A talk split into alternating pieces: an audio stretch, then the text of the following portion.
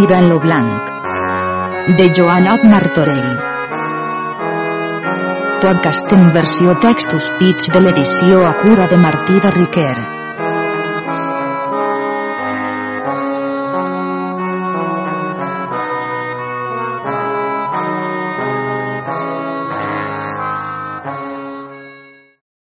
Episodi 3.8 Part tercera, tirant a l'imperi grec. Capítols del 164 al 177. Capítol 164. Lo consell que los mariners donaren a Tirant. Sabuda cosa és, capità senyor, que los turcs passen a 23 naus grosses, de genovesos, e de cascuna testen dos ducats e mig de nòlit, e dels cavalls n'han tres. Eh per no perdre aquest salari, ans se deixaran tots tallar a peces que consentiren negun malbarat. Eh porten tanta gent en tan gran nombre, que lo poder de la meitat de la cristiandat hi haurien a venir per poder-los vèncer i subjugar-los a nostra voluntat. Nosaltres som dotze naus i tres galeres, i ells són 23 naus grosses, les majors i millors de tota Gènova, e, més, porten quatre baleners i dues sageties perquè tots vos donam de consell no vulleu donar del cap per les parets, com a són en les batalles de terra, que no es fan a comparar a ples de mar, après que les escotilles són tancades no hi ha lloc per a fugir. Fons se llevat en peus lo mariner qui tant de mal havia dit de tirant, qui havia nom galançó, e era natural de l'esclavònia, e molt valentíssim mariner, lo qual feu principi a tal parlar. Senyor capità, dels meus primers moviments no en deveu ésser admirat, per jo ésser enemic a la pàtria vostra gran temps ha però la molta virtut que en la senyoria vostra tinc coneguda apartada de mi la gran ira que jo en aquell cas tenia contra la nació francesa, e per so com me veia presoner, ara que tinc llibertat per la mercè vostra obtesa, vos vull dar consell de mariner per so com en aquest arme so criat. E si això volreu acceptar, soc és credor, no dubtant lo perill que absi porta, jo us daré de vostres enemics triomfant victòria. E ateneu al meu consell si aquell vos serà accepte, si no, podeu prendre lo dels altres, car de dos mals lo menor se deu elegir.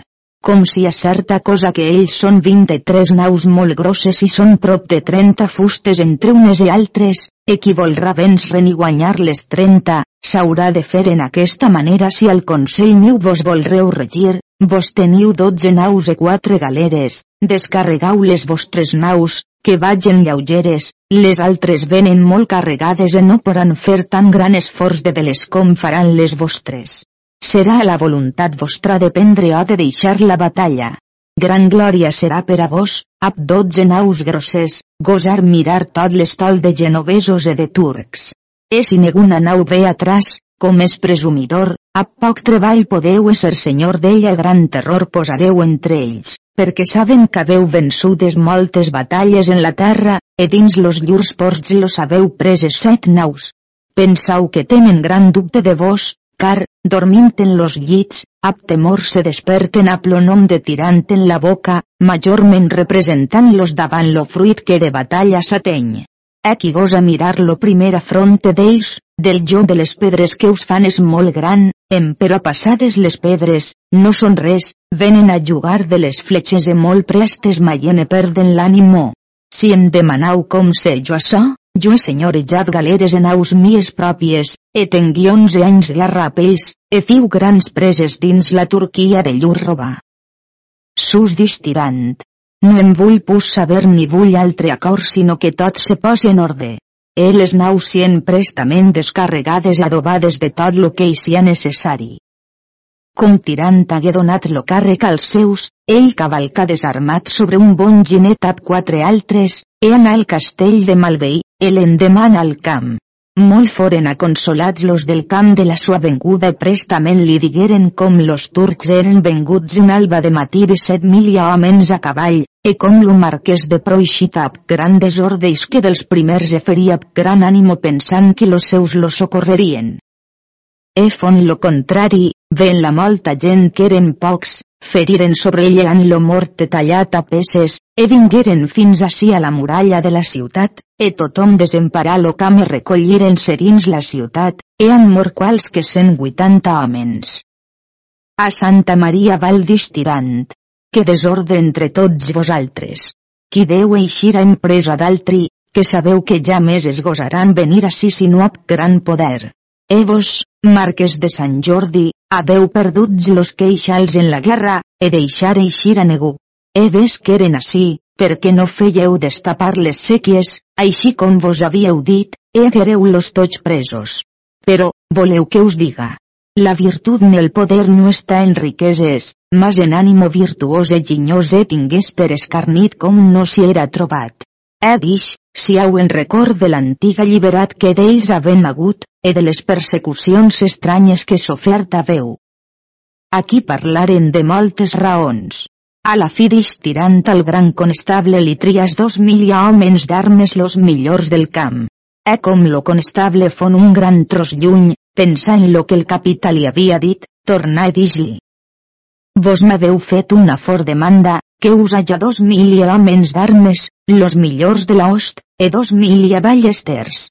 Qui pot saber quals són los bons o los mals, ni qual és ardit, ni qual és flac, ni qual té ànimo esforçat?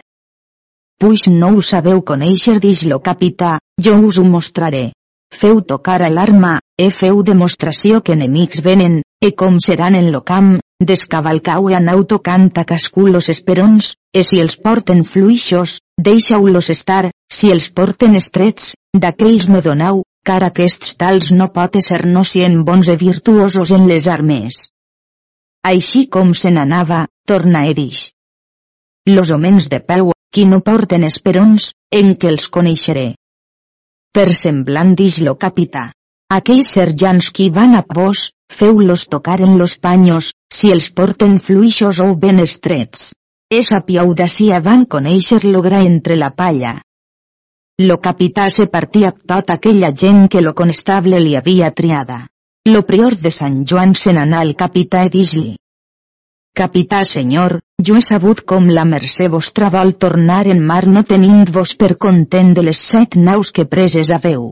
La mercè vostra fa sant gràcia que jo vaig a vos. Respost tirant que era molt content. Com foren arribats al port, lo capità trobà totes les naus descarregades, e adobaven del que més terravien. Capità senyor dix galançó, lo mariner, a mi par que vostra senyoria deuria trametre dues galeres e que estiguesen en alta mar. Com vesen l'estol, l'una tornàs, e l'altra seguís tos temps la nau del gran caramany. E si vos aquella podeu haver, haureu molta riquea e major honor. Dix lo capità en què poran conèixer aqueixa nau en què va lo gran caramany. Senyor dix galançó, en les veles, que porta totes vermelles e pintades les sues armes, e totes les cordes de la nau són de seda, e tot lo castell de popa és de brocat sobre brocat.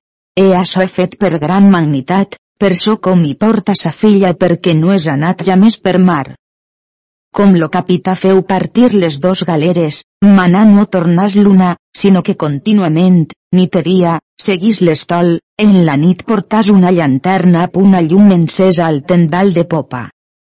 L'endemà los barons de Sicília, havent deixat l'emperador a la sua ciutat, reposaren allí dos dies, e partiren per venir al camp. Com foren al castell de Malveí, trobaren molts carros que portaven bombardes al port. E foren avisats com lo capità era al port, anaren a ell, sabent com volia anar per mar, e pregaren lo molt que els deixàs anar a pell. E lo capità fon content per so com eren homes d'illa i acostumaven de navegar. E ordenà sos capitans, e posar molta gent en les naus, menys d'armes e ballesters.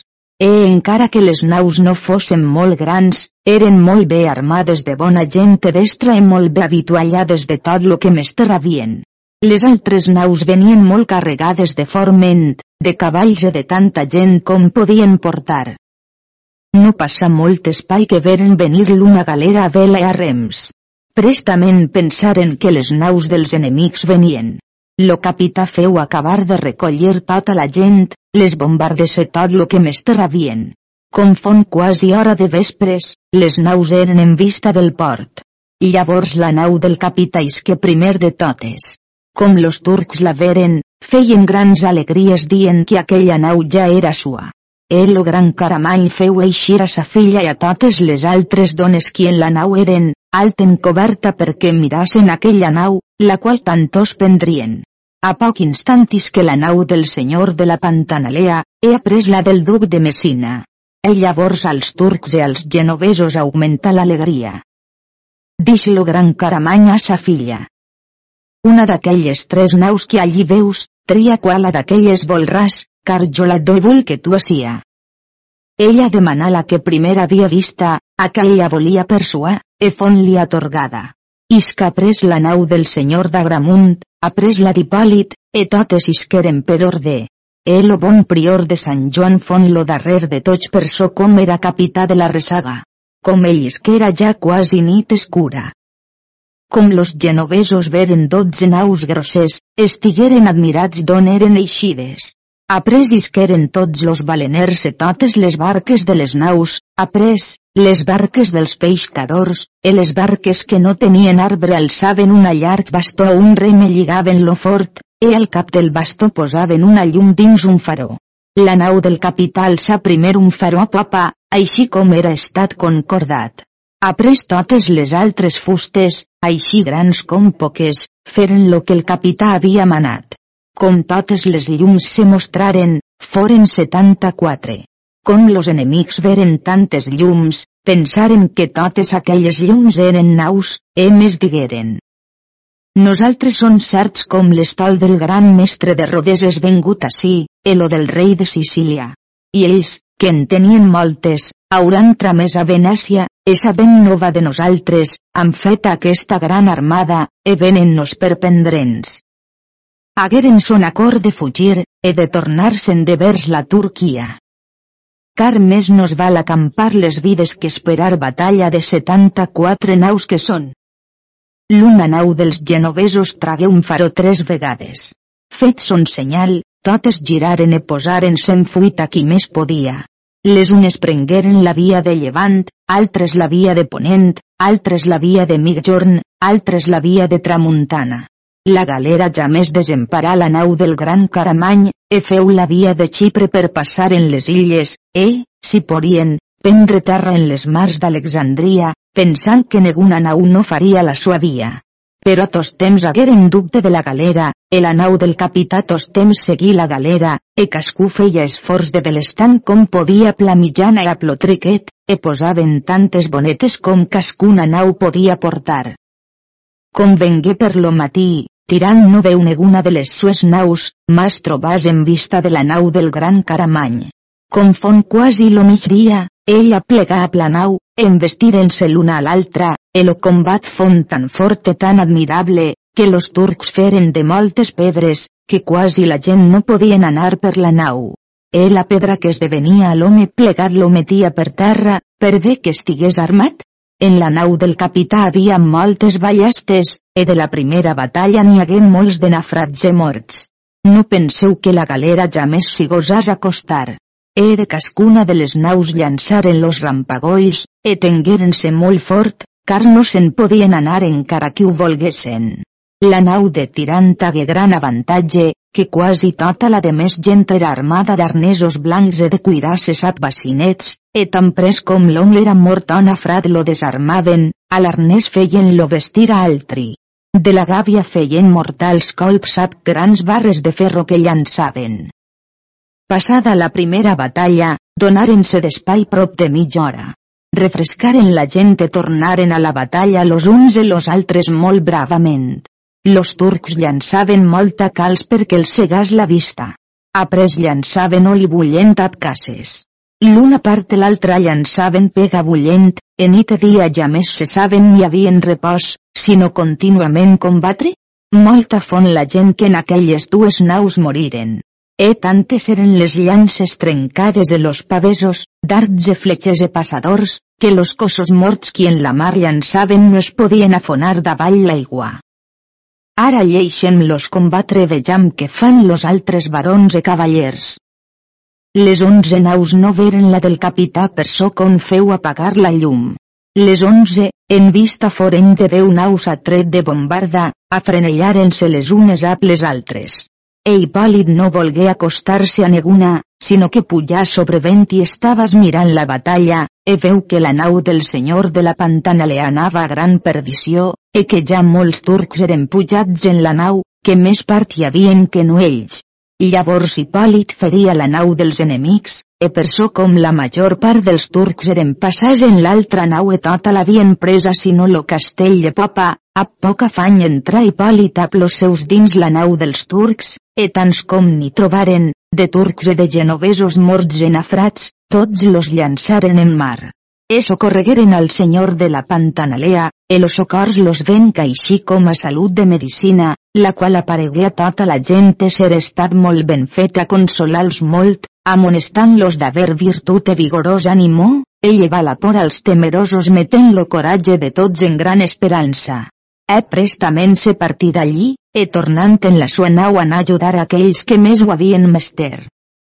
Lo senyor de la Pantanalea, puix veu que en la nau dels turcs no hi havia romàs negu, compartí la gent en abduís les naus.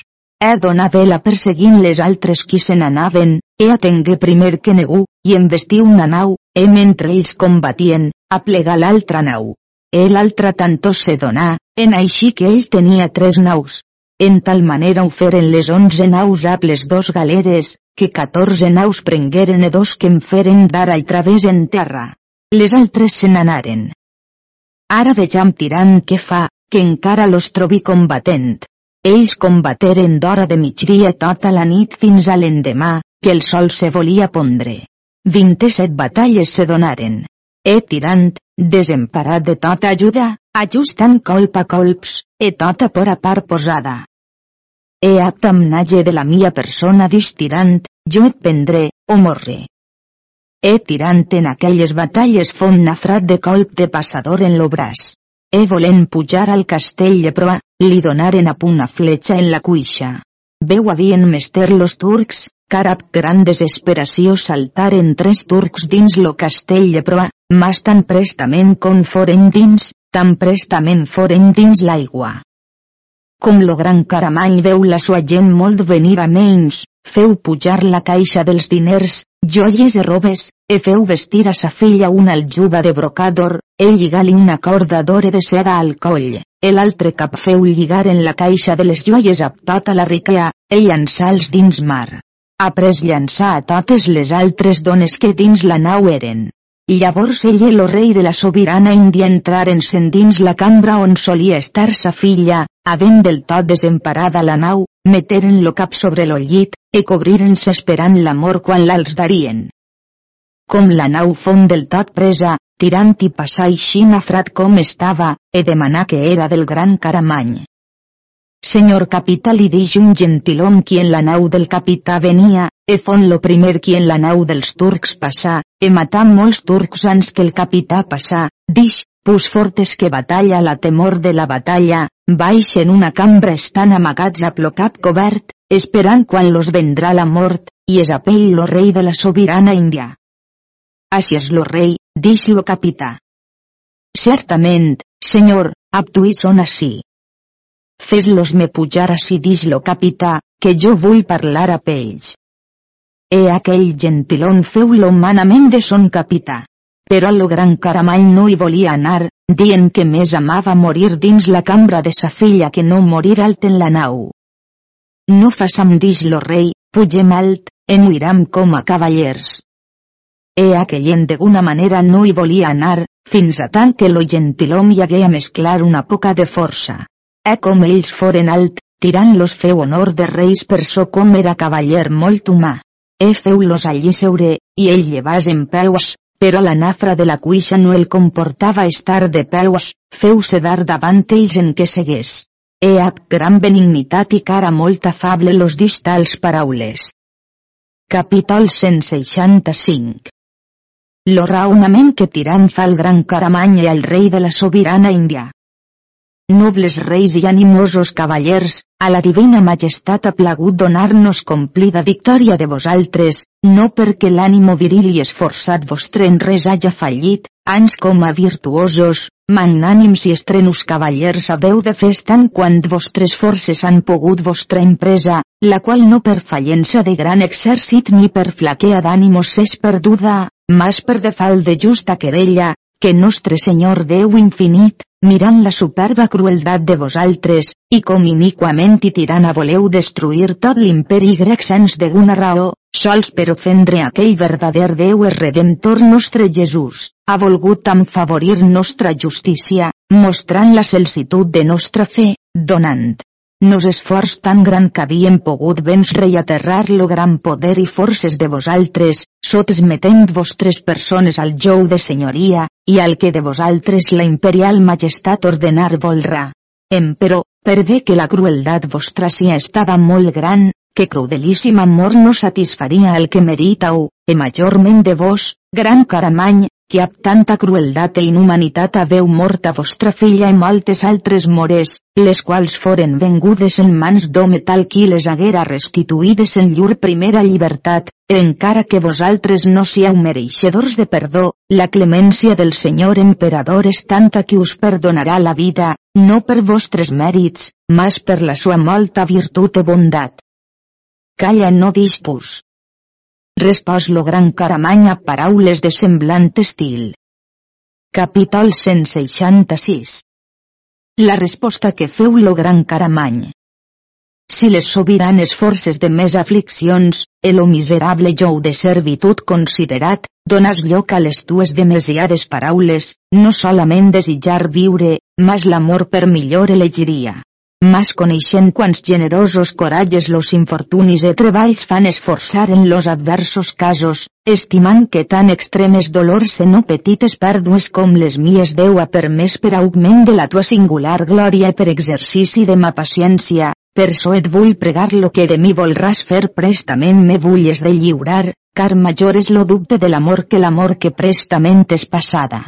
Eh dius-me que so estat o meyer de ma filla, D'això no en tinc a dar compte a tu ni altri, car estime que fet lo que devia, que més conhortes a mi jo verdat qualsevull llinatge de mort a ma filla que si per tu a los teus davant los meus ulls la ves desonir. He de les joies e del tresor no vull ningú alegrar-se'n puga. Eh no et penses tu subvertir l'hàbit de mon coratge, car pus disposo a oferir lo meu cos a l'amarga mar a la terra, ans que fes res que tu en pregasses, si ve los teus ap força estranya m'han fet venir davant la tua presència, car major raó fora tu venir a mi, encara que si és estat vencedor, que jo anar a tu. E no penses que los cavallers e gentils homens de la mia terra, que en de menor grau ni de menys virtut, e a mi mo, e noblesa, e així destres en les armes com los francesos, e si sóc ja més en ma llibertat, jo et mostraré l'ofensa que has fet a un tan gran rei com jo, qui senyorege altres reis. Tirant no volgué satisfer a les paraules del gran Caramany, sinó que els pregà molt graciosament volguessin passar a la sua nau, e mal llur grat ho hagueren a fer. Com lo capital los tingué dins, repartí aquella poca de gent que restada li era, e donaren vela. E destaparen los embrunals de la nau, eixia tan gran doll de sang que paria que la nau ne fos plena, que los antics no havien oït dir ni havien llest en canòniques tan fort batalla fos estada en la mar, ni tan sangonosa, de dues naus, que en la nau dels turcs no hi restà ànima viva sinó los dos reis, i en la nau del capità, de 480 persones no n'hi restaren sinó 54 los setze nafrats. La batalla de terra font traslladada en mar, e mostràs més valent entre los altres, manifestant glòria i virtut en senyal d'excelsa dignitat de gran senyoria esdevenidora, e la fama de l'estreno cavaller tirant augmentar en triomfant llaor. Com tirant font prop del port de Transimeno, veren los baleners qui a plestol dels turcs venien, que entraven dins lo port de vell puig fugint e cridant a grans crits, e amb molta dolor recitaren la mala noga de la destrucció del reis e de l'estol perdut ap gent innumerable.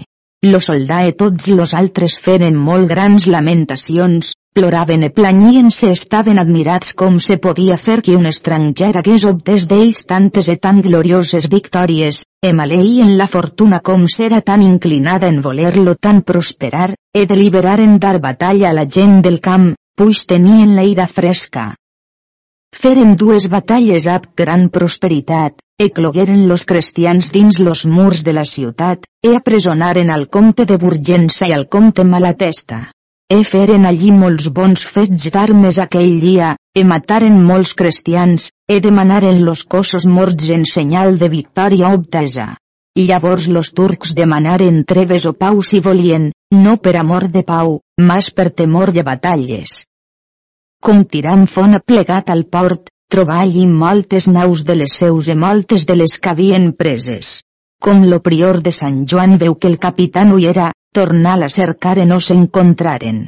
Mas après dos dies que lo capità fon tomat, arriba lo prior, e tots eren tornats, sinó Hipòlit, après que totes les naus foren preses. E Hipòlit veu que no hi era son senyor, pensant que hauria fet la via de la Turquia, mana al nauxer que fes en aquella via. E no podent trobar al capità, trobar una nau d'aquelles de l'estol, ell feu la via de la nau, e ella se més enfuita, e van quasi en una illa despoblada. El vent era punter, venia als contrari, la gent desemparà la nau, e a plavar caraplollautis que eren en terra.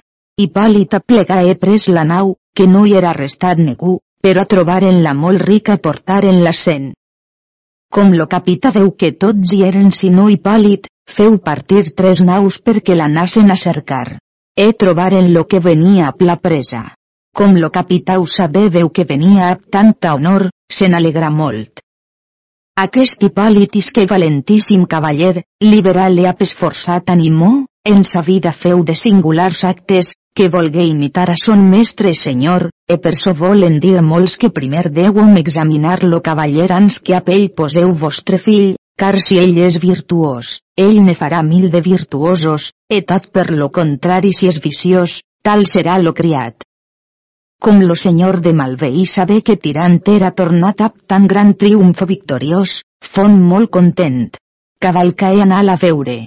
Emperò, ans que partís, tramés un home per avisar-ne a l'emperador, e tramés un altre home per avisar-ne los del camp, e allí foren fetes molt grans alegries. Com l'emperador saber tan singular no va, feu tocar totes les campanes de la ciutat e fer grans alimares e grans festes. L'emperador amb tots los altres estaven admirats de les grandíssimes cavalleries que Tiram feia. La princesa i les altres dames se n'alegraven molt, donant d'ells singulars llaors. Com lo senyor de Malveí fon tirant, consella-li que la sua persona devia anar, ab tota la presa que fet havia, davant l'emperador, e tirant i tenia molt bona voluntat per so que pogués veure parlar amb la princesa. Com tingueren bon temps per partir, Tirant feu recollir tots aquells que eren estats a pell ensems, e donaren vela. Com foren en vista de la ciutat de Contestinoble, digueren a l'emperador com venia lo seu capità tot l'estol, que ja veien les fustes, ell no sabia quina festa ni honor li fes. E prestament ell feu fer un gran pont de fusta que entrava dins l'aigua més de 30 passes, tot cobert de pomposos draps de ras. El emperador feu fer enmig del gran mercat un cadafal, tot cobert de peces de brocate de seda per a ell i l'emperadriu, e a la princesa i a totes les donzelles. E del seu cadafal fins al cap del pont, on havien eixir, feu posar baix peces de vellut carmesí per so que el seu capità no tocàs dels peus en terra, sinó que anà sobre la seda. Com ell fon passat, qui més podia prendre de la seda, d'aquell era, e venen molts nafrats en les mans, d'espases e de coltells, per tallar d'aquell drap de seda. Com les naus foren en lo port, amb molta alegria que entraven, dona la popa la nau del capità en lo pont de fusta, eis que ap lo gran caramany, lo qual portava la part dreta, el rei de la sobirana Índia a la part sinestra, i ell anava enmig, e tots los barons anaven davant. E tota la multitud del poble isqueren a rebre-la amb molta honor, així com si fos tramès del cel, així tenien los ulls en ell, e no solament li feien honors humanals, mas encara divinals. E per més venerar-lo lis que tot lo cleró, professor feta, ab totes les relíquies e ab tots los prelats, e desitjaven lo tots posar en lo posar al lloc de paradís si poguessen. E ap aquest triomfo plegaren al mercat on era l'emperador ab totes les dames d'honor, així les de la cor com les de la ciutat.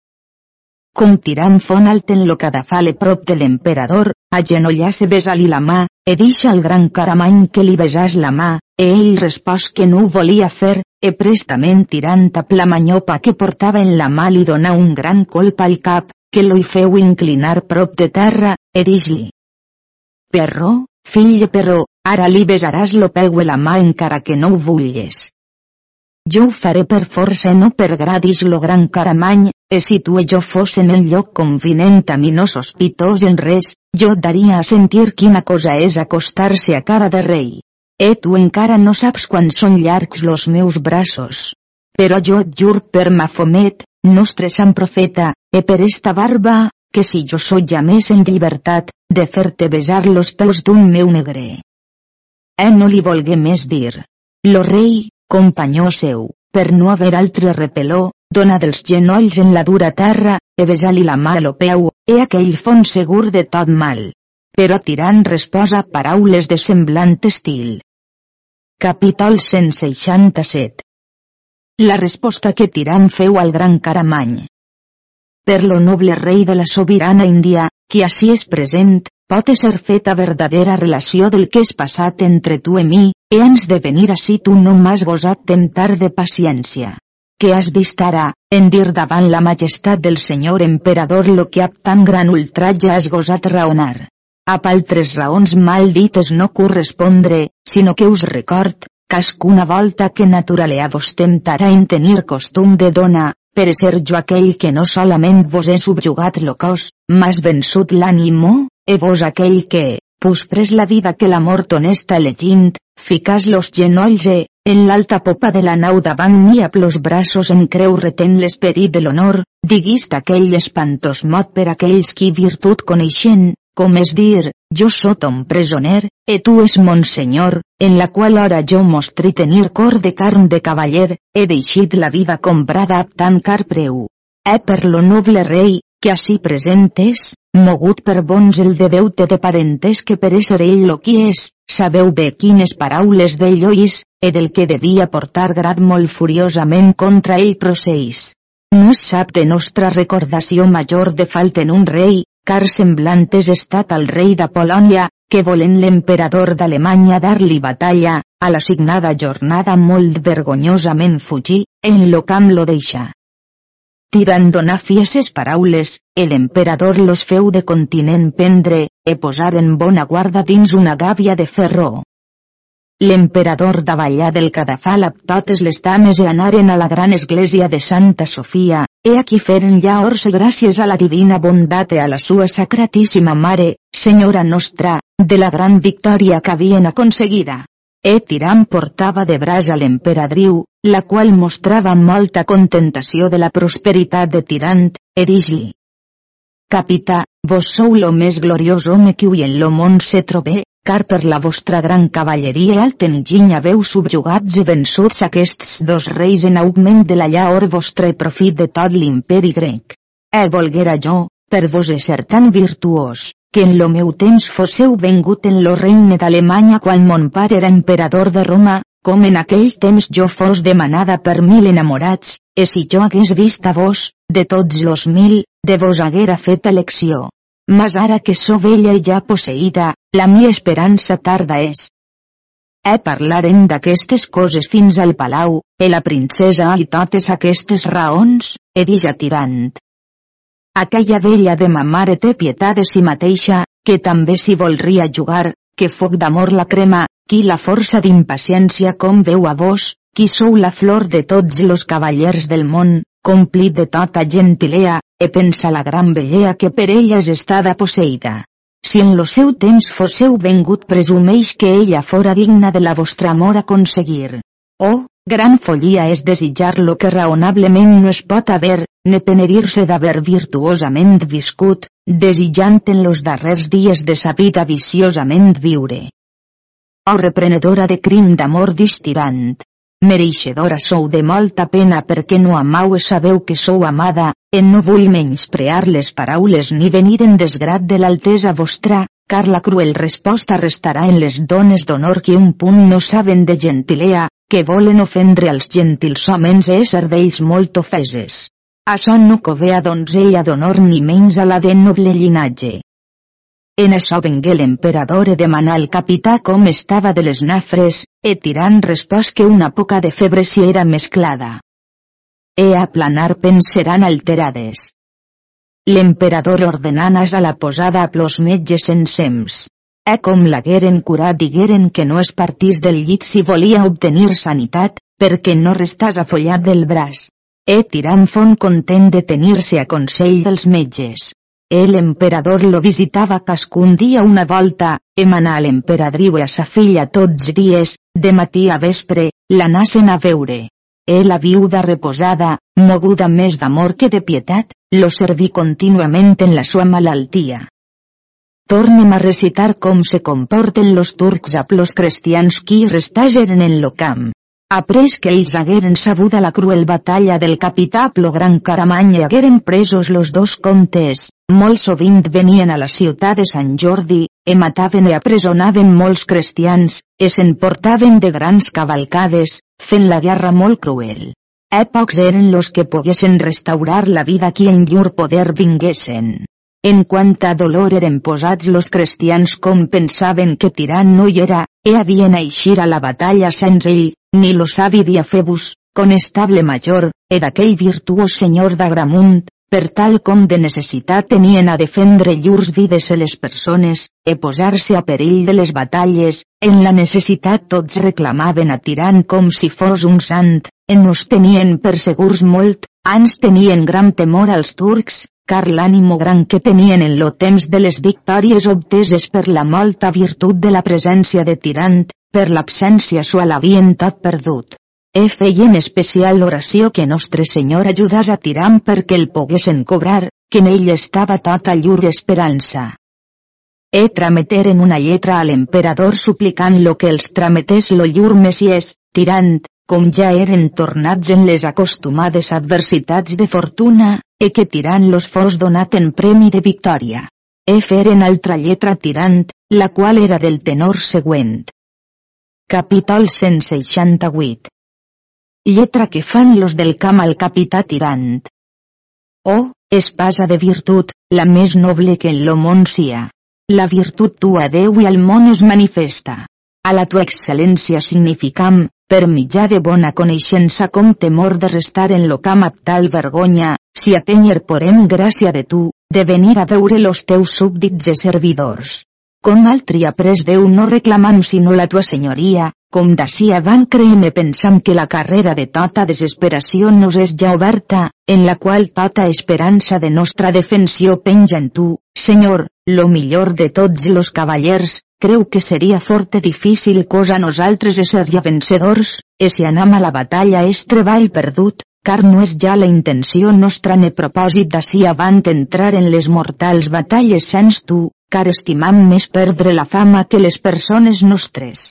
L'amor és gran que nosaltres portam a la tua senyoria, e així com tu faràs lo que tots te suplicam, així alguna que tu ames haja pietat de tu, que no et puga dir de no de tot lo que desitges.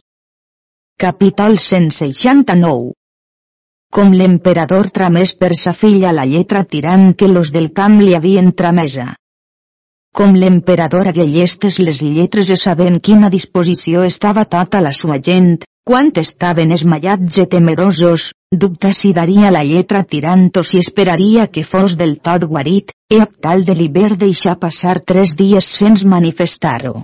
Après donar la lletra a sa filla Carmesina, que la hi donàs, pregant lo que tan pres com pogués cavalcar que volgués anar al camp. Com la princesa fon dins la cambra i veu atirant, ab cara molt afable anar de vers ella dix-li semblants paraules. Flor dels millors, veus així com tots los del vostre camp criden, fam fam. E on és aquell virtuós cavaller qui ens solia dar honorosa vida, on és aquell vencedor de batalles?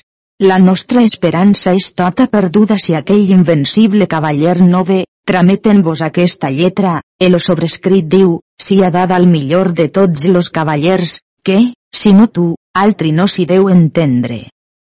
Tirant pres la lletra llegila, ha pres la mostrar a l'emperadriu i tots la veren. La princesa feu principi a un tal parlar. Si de grat vos venia, noble capità, d'anar allà on se fan les forts e cruels batalles, memòria de fama gloriosa ne podíeu aconseguir, car per virtut de la vostra anada tots los turcs seran vençuts, car sol per la vostra vista restaran tan temerosos que no podran alçar les mans contra les vostres forces. És serà dar compliment al virtuós desig, lo que haveu començat. E d'açò fareu gran servei a la majestat del senyor emperador, a la senyora emperadriu, e a mi gran plaer. E si per amor de nosaltres no ho volreu fer, feu-ho per la vostra molta virtut e bondat. Respost tirant. No fretura mi pregar l'altesa vostra, com los precs de la majestat del senyor emperador són a mi aspres manaments, el excel·lència sua no deu a mi pregar, mas manar-me com a un simple servidor seu qui el desitja molt servir.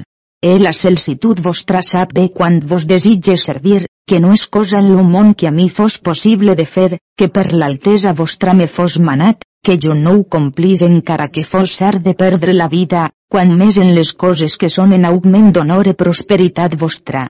E poreu dir a la majestat del senyor emperador i de la senyora emperadriu, qui ací present és, e per la celsitud vostra faré tos temps tot lo que em serà manat tant com la vida m'acompanyarà. He pres-li les mans e besar-les i mig per força mig per grat. Après l'emperadriu se lleva d'allà on seia, e posàs al cap de la cambra a plop saltiri en la mà, e pres a dir hores a una donzella que li ajudava. La princesa restà tirant, a Estefania, e la viuda reposada pler de ma vida, que li feien companyia. E tirant li prenia molt sovint les mans i les hi besava. E la princesa no pogué comportar que no li digués paraules de semblant estil acompanyades. Capítol 170 Reprensió que fa la princesa a Tirant Clarament veig, magnànim capità, que el contrast de més raons encendran majors flames de tos desigs. A mi plau, desplaem-me llicenciar a tu per al que vols, car les coses que sens dificultat a ver-se poden, l'estima de llur valua perden, car veig les tues mans cobdicioses que, qui els dava llicència, elles passarien de bon grat l'humanament de sa senyora. Els tues ungles són sens vergonya, car l'emperadriu és així que ens pot veure, e si ho veu seràs tengut per home de poca fidelitat, e a poca paciència, porà dir que deixes estar a sa filla, tancar-te d'ací avant los camins de llibertat.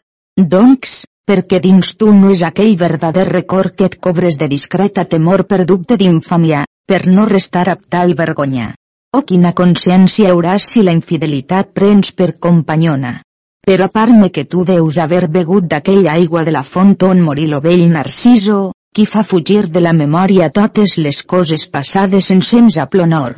És i per ventura los meus precs que t'he fets, de part de l'emperador, que vages a les batalles, donen impediment a la tua dura pensa per la mia amor, o ges paraules ara menors que lo meu coratge, car jo so simple e humil a tu, que me n'has dada raó, per so com tu has testat a mi moltes voltes. Eh jo so prest a inclinar-me als teus peus per so que lo senyor mon pare s'hi ha servit. Capítol 171 La resposta que Tirant fa la princesa. L'enutjosa fortuna ha ordenat donar esforç als turcs per apartar a mi del major bé que de present puc posseir, so és la vostra vista, la qual és causa d'alleujar part de ma atribulada pena d'istirant. El lo profit d'altri serà gran dam per a mi, trobant-me sol en la mia tribulació, car gran confort és a les persones atribulades com tenen companyia en llur dolor. És i lo que menys se deu fer se fa, ves deu fer lo que més fer se deu, e ja no sé com puga aprendre de soferir tristament lo dan d'amor que aparellat m'està. Qual cosa pot ser més contrària a ma salut que veure'm absent de vostra altesa? E tos temps oït dir que batalles no en, e cantar e sonar plaent, e per so compensació deu ser admesa, que vos, senyora, Deveu cercar a plos enemics matèria de mort en no a aquell qui us desitja servir. Jo sóc catiu es més, però catiu no es deu clamar de sa senyora.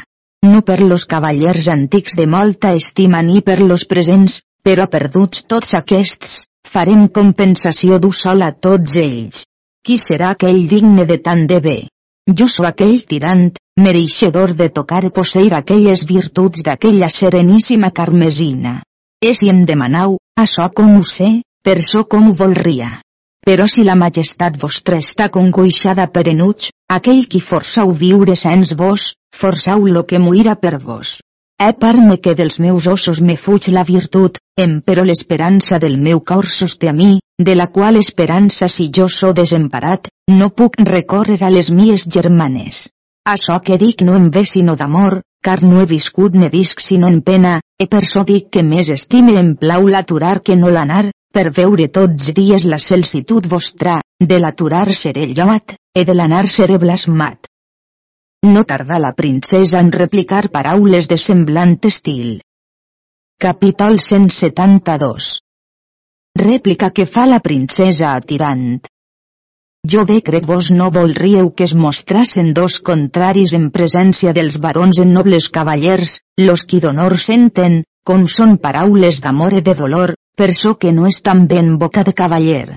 E teniu vos esment, tant com la vida vos acompanyi, car les paraules dissimulades sens obra difamen l'home, e jo bé sé que vos no poran metre mostalla per julivert.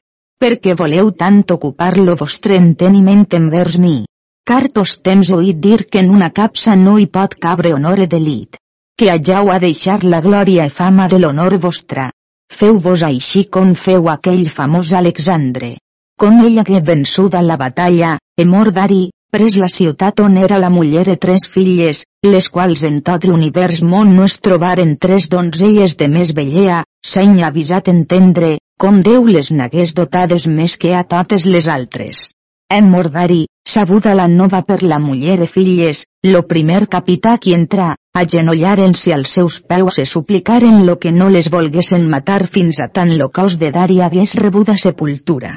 E aquell les posa en gran esperança, per so com les veuen extrem belles, e tots los qui d'amor sentien, de bon grat s'hi aturaren per contemplar-les. Après que elles foren tornades dins los seus palaus, lo capità molts altres cavallers ho digueren a Alexandre, recitant-li la gran bellea de la mare de les filles, suplicant-lo i volgués anar per veure-les. E Alexandre, mogut d'amor natural, respòs que era molt content, e con font fora de la posada, e sent en vista dels palaus de les donzelles, tornassen. Los cavallers li demanaren per què se'n tornava, Alexandre respòs, dubte tinc gran, no m'avellis la vista d'alguna d'aquestes donzelles, e que tan plasent me fos segons la mi edat en contentar los cinc senys corporals, perquè jo hagués a deixar lo noble exercici de les armes a plonor ensems, en no volria la mia llibertat en cativar en poder d'una donzella estranya, e tal cavaller com a que es portava de visa de virtut en sa companyia, així volria jo que vos fésseu. E serà forçat la vostra persona sostinga danse congoixes, ab tanta pèrdua de vostre honor si us aconortau d'aquella, mas justa excusa no teniu per al que m'haveu ofesa perquè los homes envejosos de nostra pròspera fortuna, de llur poder perdesen la coneixença, però la gran estima nostra igualment perdent fa adversa nostra fortuna. E això no ho dic a fi per dir paraules qui us enutgen, sinó per l'erra dels vostres mals, en los quals perseverar voleu. E venint al que vull dir, e gràcia de vos obtenir por que no vulleu perdre l'honor e fama per causa mia, car los bons cavallers vos incriminarien de deslleal efeminat, e a mi d'engan, car dirien jo ser estada enganadora de les vostres forces e virtuts. Perquè, us placia voler mirar los nobles fets dels cavallers antics com llur principi fon bo la fi fon mala. Mireu les fets de Salamó, con fon cap de la saviesa del món, e perdona fon idòlatra. Mireu Samsó, qui de fortale avança tots los del món, e tenint la virtut so en los cabells, e perdona fon enganat, que el ginyà li diguesen que estava la sua gran virtut, e dix-lo-hi, e tan pres com li hagué tallats los cabells lo posa en mans de sos enemics, puix hagué perduda la força. Mireu al rei David, com l'imprès, e a nostre pare Adam, qui volgué passar l'humanament de Déu per menjar del vedat fruit.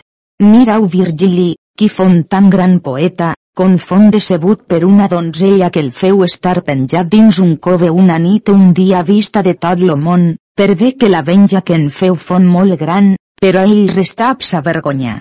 Mireu Aristòtil i Hipocràs, grans filòsofs, tots foren decebuts per dones, en molts altres de qui recitar no cur per no tenir prolixitat. Què sabeu vos, jo si so fornida de tanta astúcia com aquelles, e que us mostras molt amor e voluntat ficta fent-vos variar lo vostre bon enginy e sentiment, o que en fes demostració per so que vos, vencedor de batalles, tornasseu tot lo nostre imperi en llibertat en nostre domini. Mirau, tirant, senyor, què fareu? En no vulleu amar tant altri que en cativeu la vostra honor e fama, e vulleu perdre la glòria de tantes victòries que haveu obtès e se podeu obtenir. Perquè no és bona cosa que per una donzella vulleu perdre tant de bé, e se us ben dir que no és més secreta cosa en lo món com és lo cor de la donzella, per so com la llengua raona lo contrari del que té en lo cor.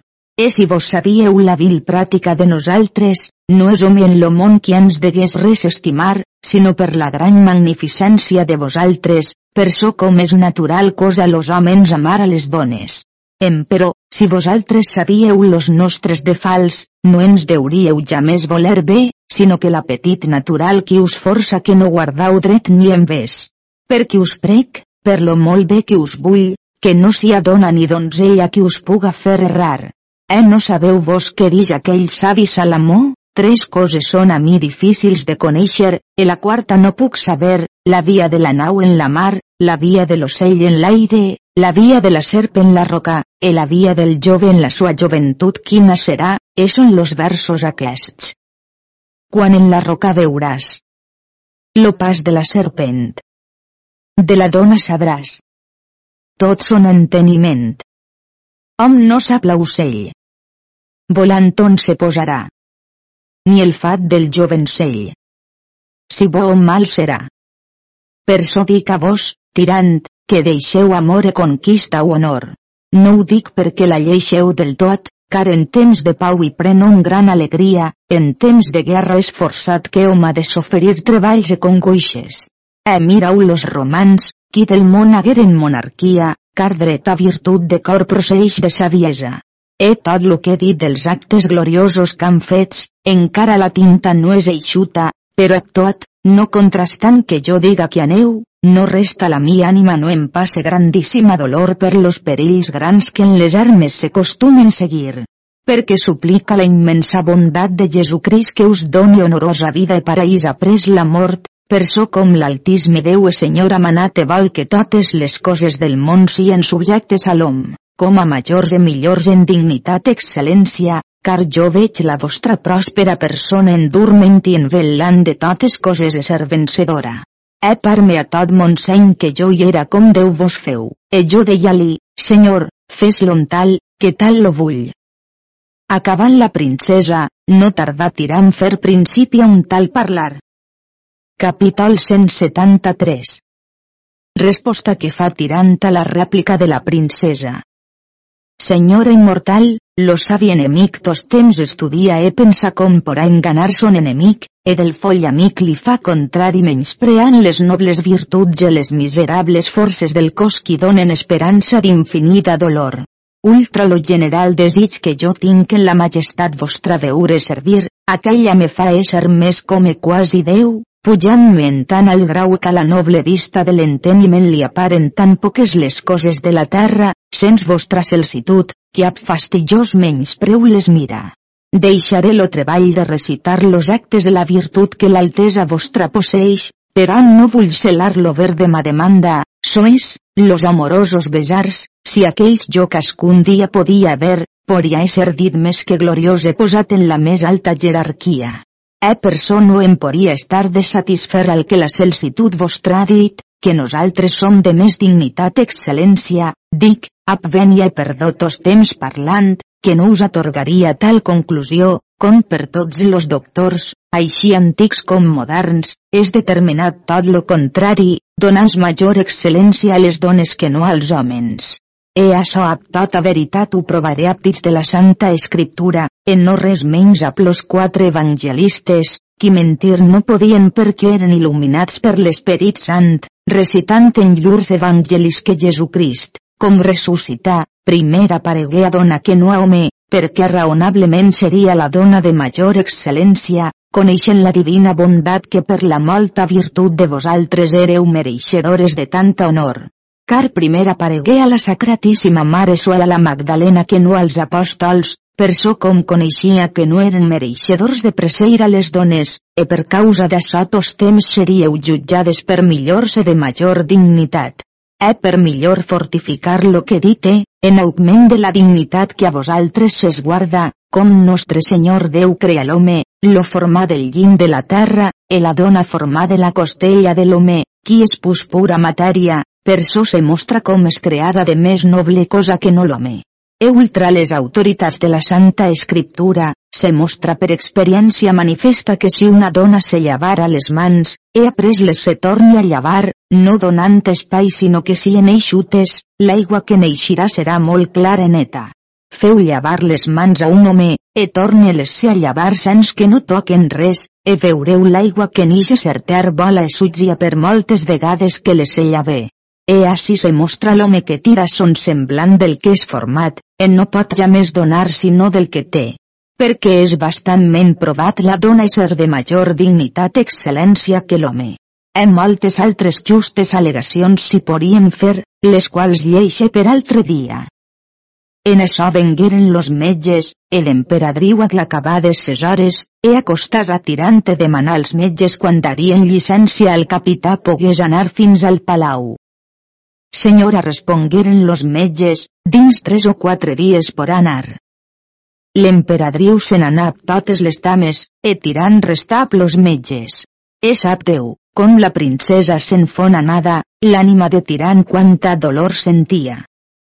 Com la princesa fon dins en la sua cambra, pensant en les raons que Tirant li havia dit vengué-li un endolciment al cor de sobres d'amor que li portava, venc en tal punt que fon fora de tot record, e caigues mortida en terra.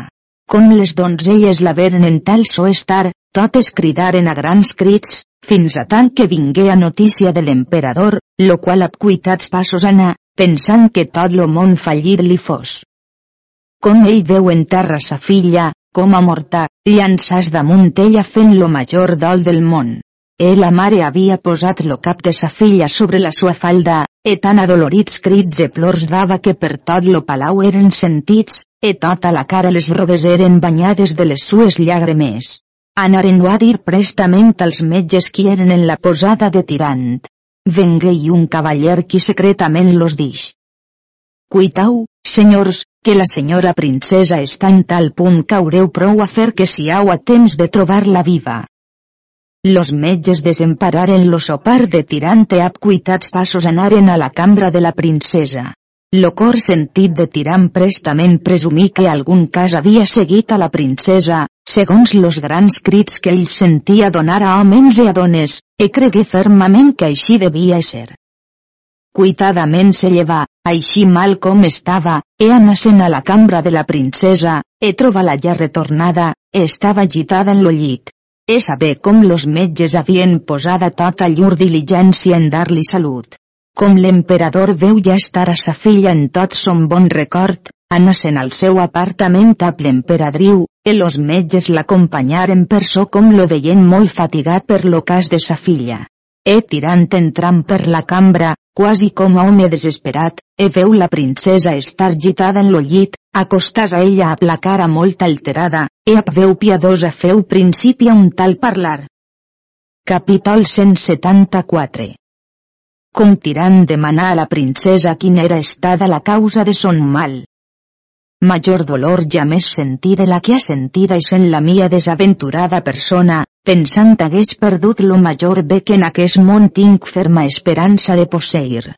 He molt me tarda de saber lo mal ingrat qui us ha dada tanta passió a la vostra excelsa persona, e si lo mal pogués armes prendre, jo us jur per lo baptisme que he rebut, jo em combatria pell i li daria tal punició que ja més hauria atreviment de dar passió a la majestat vostra.